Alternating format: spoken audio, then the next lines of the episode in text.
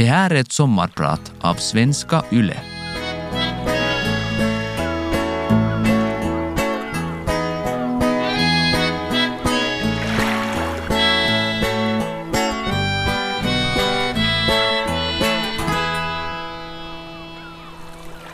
När jag fyllde 50 hade jag bjudit in 950 människor på fest till mitt skogstorp. 540 kom. Torpet har gått i släkten och är viktigt för mig. Men det är enkelt och ligger avlägset i den lilla byn Påskmark i Kök som hör till Kristinestad i Österbotten. På onsdagen började vi höbärgningen på åkern. Håkan körde traktorn och jag själv hanterade spakarna bak på höräfsan. Talkoarbetarna fortsatte sedan med att sätta höet på störarna. På lördag, tre dagar senare, skulle allt vara klappat och klart för århundradets 50-årsfest i Österbotten. Vi hade slagit upp ett stort tält mitt på en åker, men det räckte inte och var utsatt för vädret. Jag hade uppbådat de bästa talkokrafter som fanns i trakten. Ungdomsföreningen skötte serveringen och transport av bord och stolar. Skidförbundets vallningslångtradare skötte elektriciteten och ett trettiotal herrar från sällskapet Sega gubbar reste tältet. Det största hotet var alltså vädret. Ett ösregn skulle effektivt lägga sordin på festen och få åkern att påminna om Woodstock, en enda stor lerpöl med festklädda gäster. Men jag hade garderat mig. Byns genom tiderna enda teologiedoktor var vittalad för att sköta kontakterna till högre makter. Hur det gick ska jag berätta mera om lite senare. Idag kommer jag att prata om vikten av att ta tag i saker och låta sig inspireras av andra. Jag kommer också att berätta vad jag lärde mig av Fage och Helga från hembyn, men också hur mycket uppläxningarna i Ragnars Kleinbus kom att betyda för ett dussin ynglingar från Påskmark. Jag heter Kjell Skoglund och jag är VD för Finnsvenska handelskammaren i Stockholm, men just idag är jag din sommarpratare. Att få växa upp i byn Påskmark, det var lyckade. Påskmark är en liten by i Kök som hör till Kristinestad. Jag växte upp i ett hem där pappa var chaufför på sin mjölkbil och mamma hemmafru. Hon hjälpte till på vårt eget lilla jordbruk och med det bestyr som skulle göras på gården och i hemmet. Skolan, liksom lärarinnan och läraren, fanns på några hundra meters avstånd. Alla släktingar bodde omkring oss och det gav en stark känsla av samhörighet och trygghet. Men i byn bodde också många originella personer som med sina spontana utspel skapade omväxling och kryddade vardagen. Självklart var att alla rymdes med i bygemenskapen. Alla kände varandra, till och med flera generationer bakåt.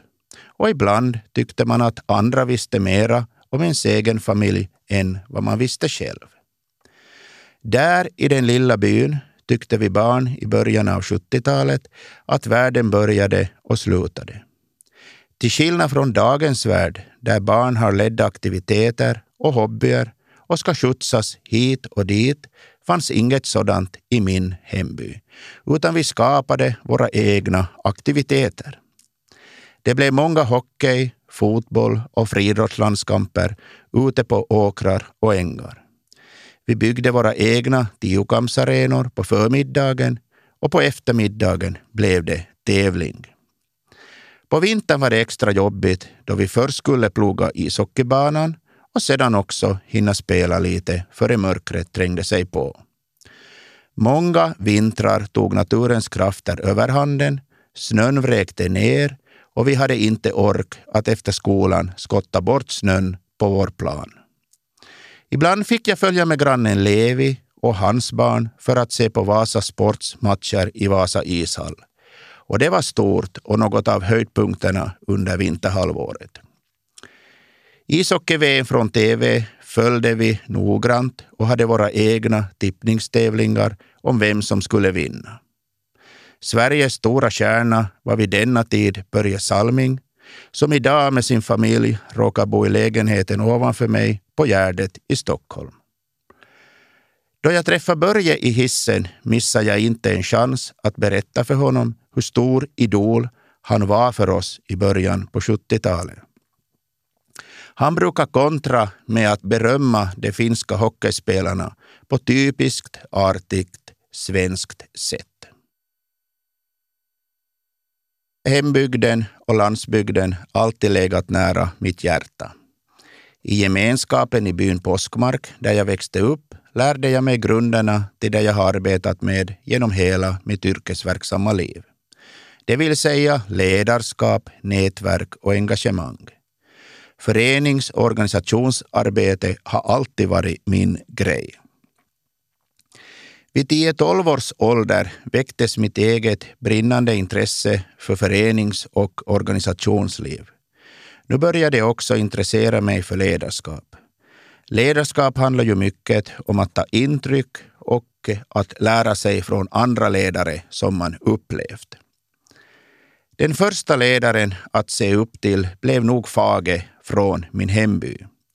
Han var jordbrukare med starkt engagemang i idrottsföreningen och han tog med oss barn på skidtävlingar och träningar. Fage hade egna barn men behandlade oss alla på samma rättvisa sätt om det sedan handlade om att valla skidor eller heja på oss i skidspåret. Fages engagemang och humor smittade av sig, så vi ville också hjälpa till då vi hade talko i skidspåren.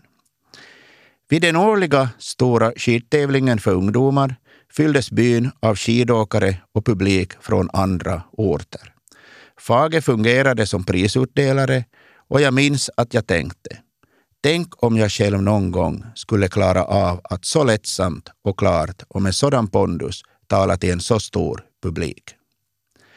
En annan ledare jag kom i kontakt med som tioåring och som gjorde intryck på mig var Helga. En kvinna som bodde ett stenkast från mitt barndomshem och som hade barn i samma ålder som jag. Helga var före sin tid och visste hur man skulle skapa ett varumärke av den starka folkkulturen som hade en lång tradition i byn. Helga startade ett juniorfolkdanslag där pojkar och flickor dansade med varandra iklädda folkdräkt. Vi övade ofta och blev ett programnummer som flera festarrangörer använde sig av för att locka publik till sina arrangemang. Då tidningarna rapporterade om olika fester kryddades reportagen ofta med en bild av de små, söta folkdansarna. Att kökfolkdräkten anses som den kanske allra vackraste i hela landet gjorde oss inte mindre attraktiva. När jag var 14 år fick jag min första erfarenhet av ledarskap. Jag blev ledare och tränare för Kök idrottsklubbs juniorfotbollslag, samma åldersgrupp dit jag själv hörde. Det var spännande och utmanande att leda och träna ett fotbollslag i en liten by. Alla prioriterade ju inte fotboll lika högt som jag själv och för att få ihop de elva spelare på plan krävdes det att i princip alla som fanns i åldersklassen måste vara med. Ibland fick man gå hem till potentiella spelare och övertala dem att komma på träningar. De sista spelarna fick vi ibland inför en match slita ur tv-sofforna eller hämta dem från höbärgningen. Det var engagemang det. Men det lärde mig att som ledare skapa engagemang och hantera olika slags människor och begåvningar för att skapa ett så bra lag som möjligt. Precis som det fungerar då man bygger ihop ett fungerande team på en arbetsplats. Ibland vann vi och ibland förlorade vi. Ofta förlorade vi mot de större grannkommunernas lag i Kauhajoki, Teuva och Närpes. Till bortamatcherna körde vi alltid i byns enda taxi, Ragnars Climbus. Hade vi förlorat en bortamatch fick vi av Ragnar hela vägen hem höra hur värdelösa vi var och att det aldrig kommer att bli några fotbollsspelare av oss och knappast någonting annat heller. Men vi satt tysta och lyssnade. Vi visste att Ragnar hatade att förlora och feedbacken vi fick var alltid rak och tydlig. Ragnar var aldrig långsint och när vi nästa gång vann en match var han på strålande humör och höjde oss till skyarna. Ragnar var också den vi vände oss till när vi blivit lite äldre och skulle åka på dans. Även nu var det Ragnar som körde oss med Kleinbussen till dansplatserna. Hans buss fungerade som en liten pub på parkeringsplatsen och nya relationer skapades och skämten var fyndiga. Ragnar hade nu blivit över 70 men var fortfarande lika engagerad i det vi höll på med. Hade vi misslyckats med kontakterna till flickorna på dansplatsen fick vi på hemresan höra vad vi var värda, precis som förut då vi spelade fotboll. Vi skulle nog aldrig hitta en flickvän och än mindre skulle vi bli gifta, löd Ragnars dom. Men det var aldrig tal om att vi skulle ta en annan taxi än byns egen.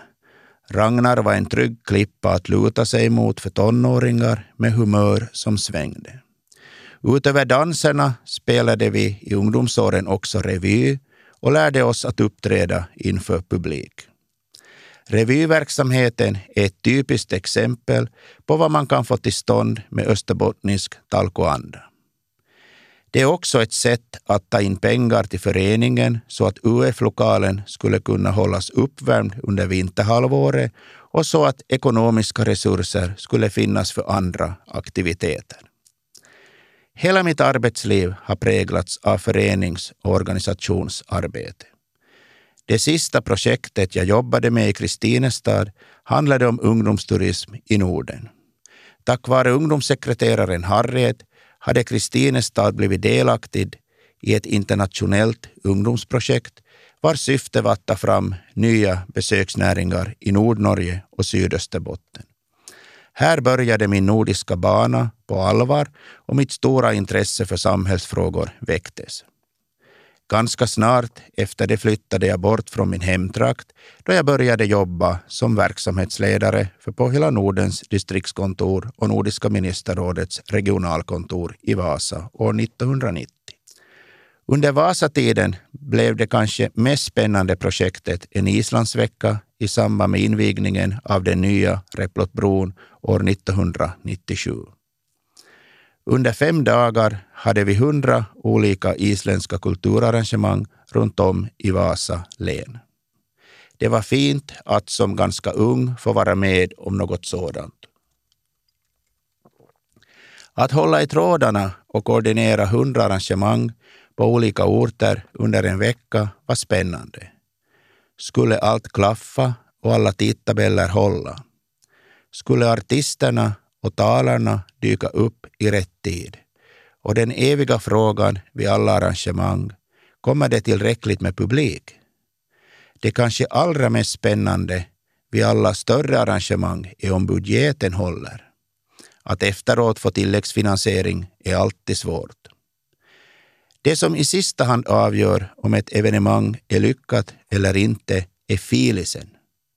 Blir det en bra filis och känsla för alla som är med och en positiv stämning så går alla också glada och nöjda hem och deltar i nya arrangemang. Vid samma tid ägnade jag mycket av min fritid och mina veckoslut åt att bygga upp ett museum i min hemby Påskmark. Min händiga pappa Lars var starkt engagerad i renoveringen och min mamma Inger och min farbror Albert var också med på ett hörn. Vi skapade under många års tid ett museiområde bestående av olika gamla byggnader fyllda och inredda med bruksföremål från svunna tider i Österbotten. Jag hade som vision när jag planerade museet att kunna ta tillvara gamla föremål som fanns i byn och ställa fram dem i äkta historiska byggnader. Museet, som jag kallar Skoglunds skogstorp, är omgivet av ett typiskt österbottniskt öppet landskap med lador och ängar. Viktigt var att alla gamla föremål som sattes in i husen skulle vara i toppenskick så att jag kunde ha representation och bjudningar i museet.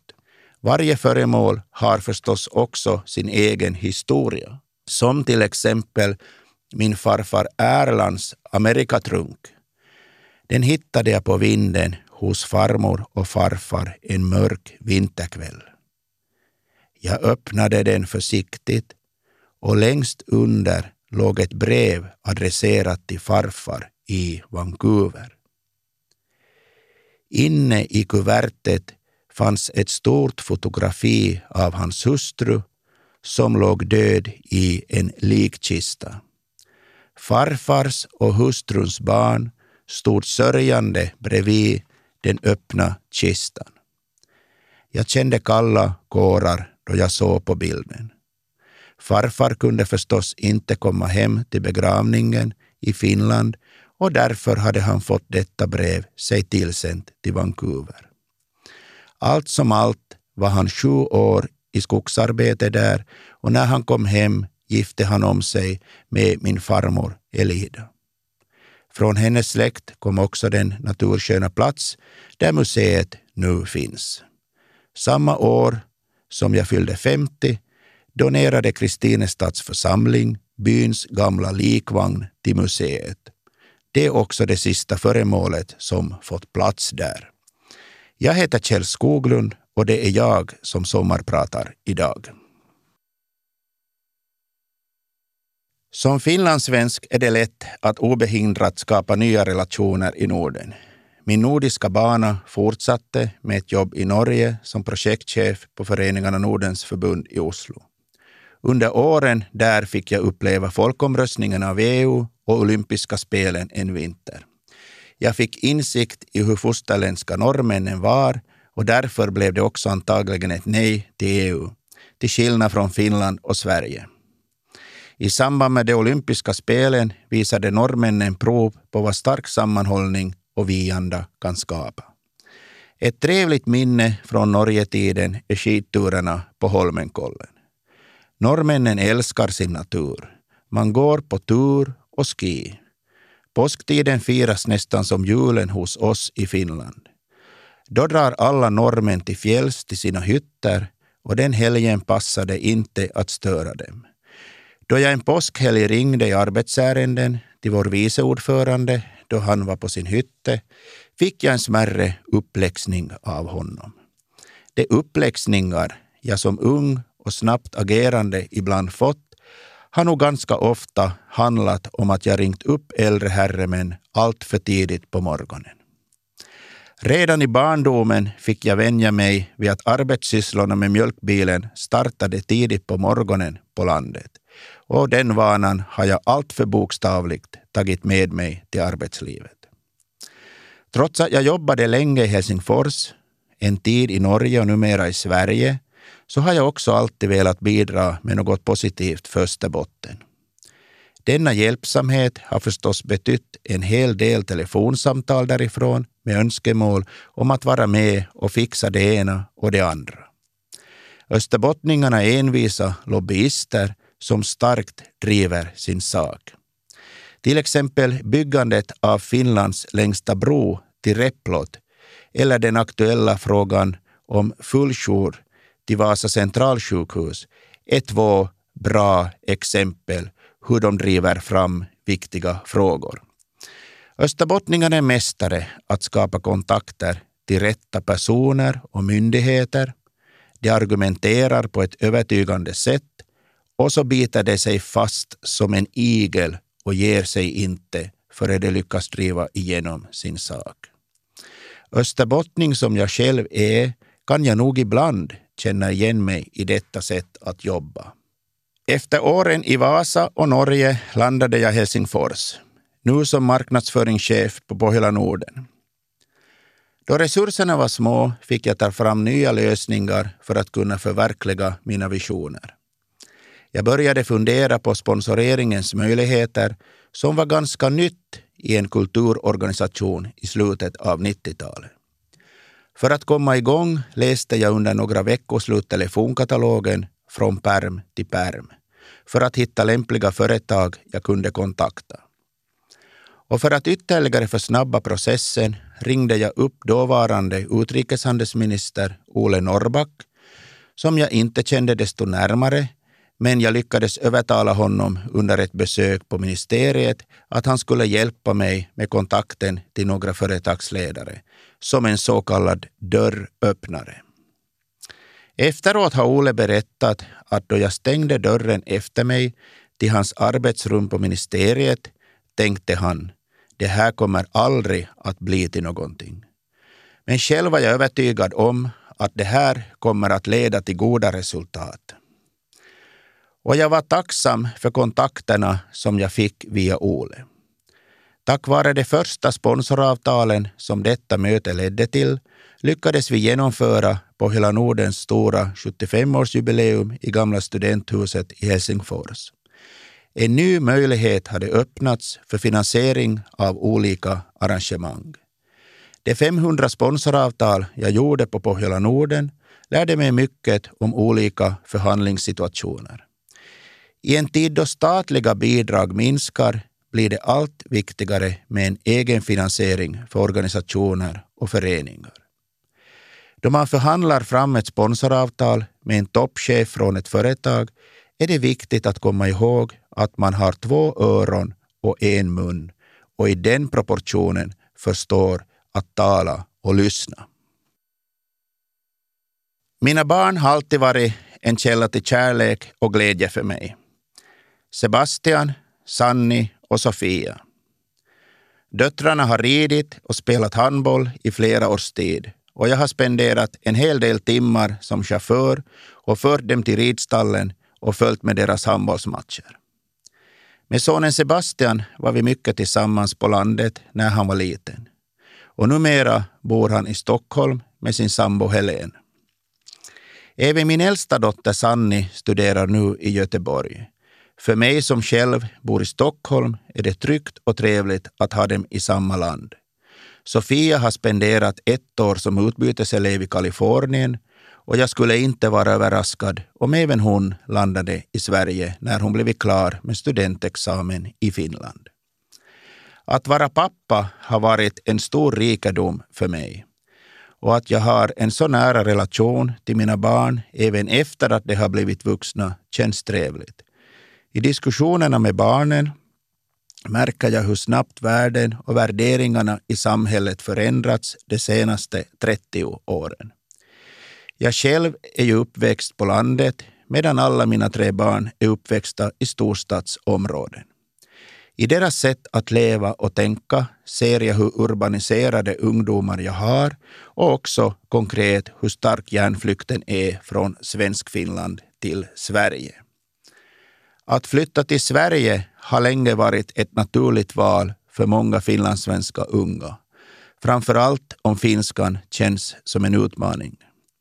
Arbetsmarknaden i Sverige är mycket större och karriärmöjligheterna lockar därför många högutbildade. De skattesänkningar som gjorts i Sverige är förstås en extra morot i sammanhanget. En viktig person idag i mitt liv är min livspartner Nina. Jag beundrar Nina för hennes ork att hantera vardagen som heltidsarbetande, ensamstående mamma till sina tre barn. Nina är lättsam, glad och trevlig. Att hon själv har ett jobb som VD-assistent gör säkert sitt till att hon har förståelse för min hektiska vardag med resor och en fullspäckad kalender. Då Nina är hos mig i Stockholm tar vi det för det mesta lugnt och kopplar av. Vi tycker om att träffa våra gemensamma vänner och på tu man hand gör vi cykelturer eller långa promenader i Stockholms natursköna områden. Sen blir det också en hel del deltagande i representationstillfällen via mitt jobb.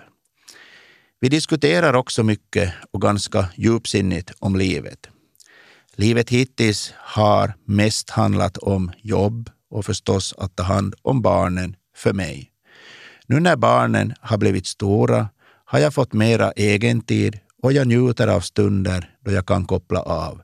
vara på landet och spendera tid med mina nära och kära. Som yngre hade man uppfattningen att man lever i evighet och hade en ork som aldrig tog slut. Numera har jag kommit till insikt om att man inte kan skjuta fram alla trevliga saker till pensionsåren. Därför försöker jag idag, trots en hektisk arbetstakt, alltid ta en stund för att njuta av livet här och nu. Trots att jag ofta har mycket människor omkring mig kan jag paradoxalt nog ibland känna en viss ensamhet. Att i hårt tempo under dagarna och ibland flera kvällar efter varandra rusa från det ena mötet till det andra leder för mig ibland till en känsla av tomhet då jag kommer hem och stänger dörren efter mig. Då de flesta av dagens timmar går åt till arbete är jag lite försiktig med att odla för många nära kontakter med privata vänner. Vänskapsband förpliktar. Om jag inte hinner upprätthålla kontakterna får jag känslan av att jag försummar någon. Å andra sidan är jag noga med att hålla gamla nätverk vid liv. Har man en gång skapat en kontakt med någon bör den vårdas. Det är som med mycket annat här i livet. Det tar tid att bygga upp men går snabbt att förstöra och riva ner. Därför försöker jag med jämna mellanrum också träffa människor som gått i pension och som jag jobbat med tidigare.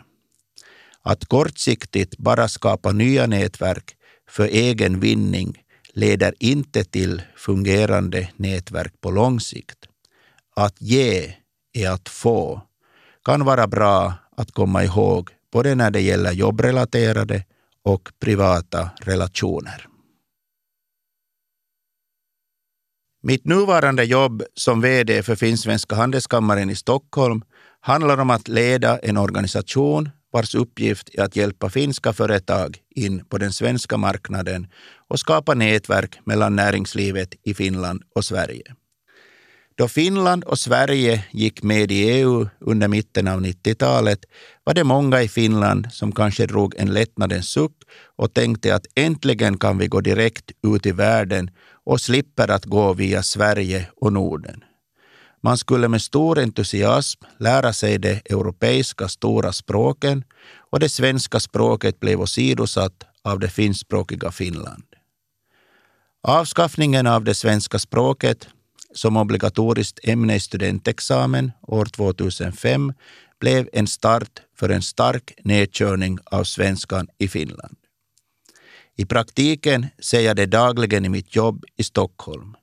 När finska företag besöker Sverige och förhandlar på engelska istället för svenska. Det går förstås bra att förhandla på engelska i affärslivet, åtminstone till en början. Men ska man som exportförsäljare bli riktigt framgångsrik är det nog av betydelse att klara av att sälja på köparens språk.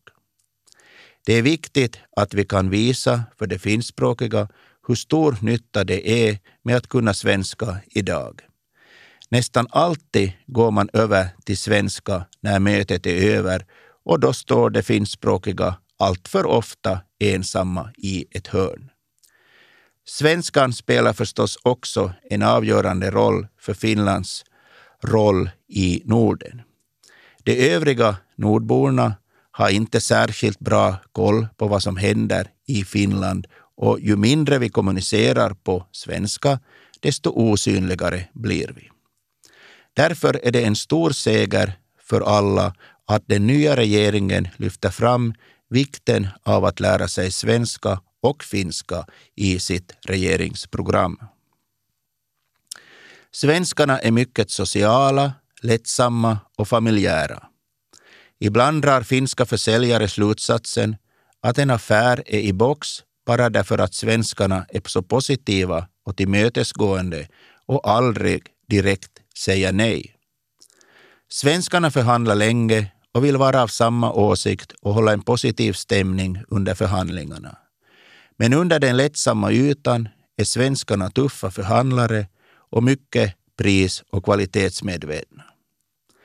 Men vi har också en hel del gemensamt med Sverige. Ärligheten och tilliten är en sak. Fråga en finne eller en svensk och du kan räkna med ett ärligt svar. Skillnaden är att finnen svarar redan innan man frågat. En finsk försäljare talar om alla fel i varan före kunden har frågat. Svensken väntar på frågan, men kan inte ljuga då han får den och berättar öppet om eventuella fel och brister i varan. I Sverige gör chefen kanske inte så stort väsen av sig utan är en bland andra. Men alla vet ändå vem som är ledaren och får fatta det sista beslutet. Hur uppfattar jag då mig själv som ledare? Det kanske viktigaste för mig då jag börjar ett nytt jobb eller ett nytt projekt är att skapa engagemang bland medarbetarna. För att få goda resultat är det direkt avgörande att få alla medarbetare att dra åt samma håll. Det är också viktigt att ge positiv feedback åt medarbetare då det gått speciellt bra med någon arbetsuppgift och det har blivit goda resultat. Sakligt beröm skapar oftast ett gott självförtroende och en känsla av att bli sedd och ger ork att ta itu med nya arbetsuppgifter och projekt. Under mina år i Norge hade vi Sveriges tidigare statsminister Torbjörn Fälldin som ordförande.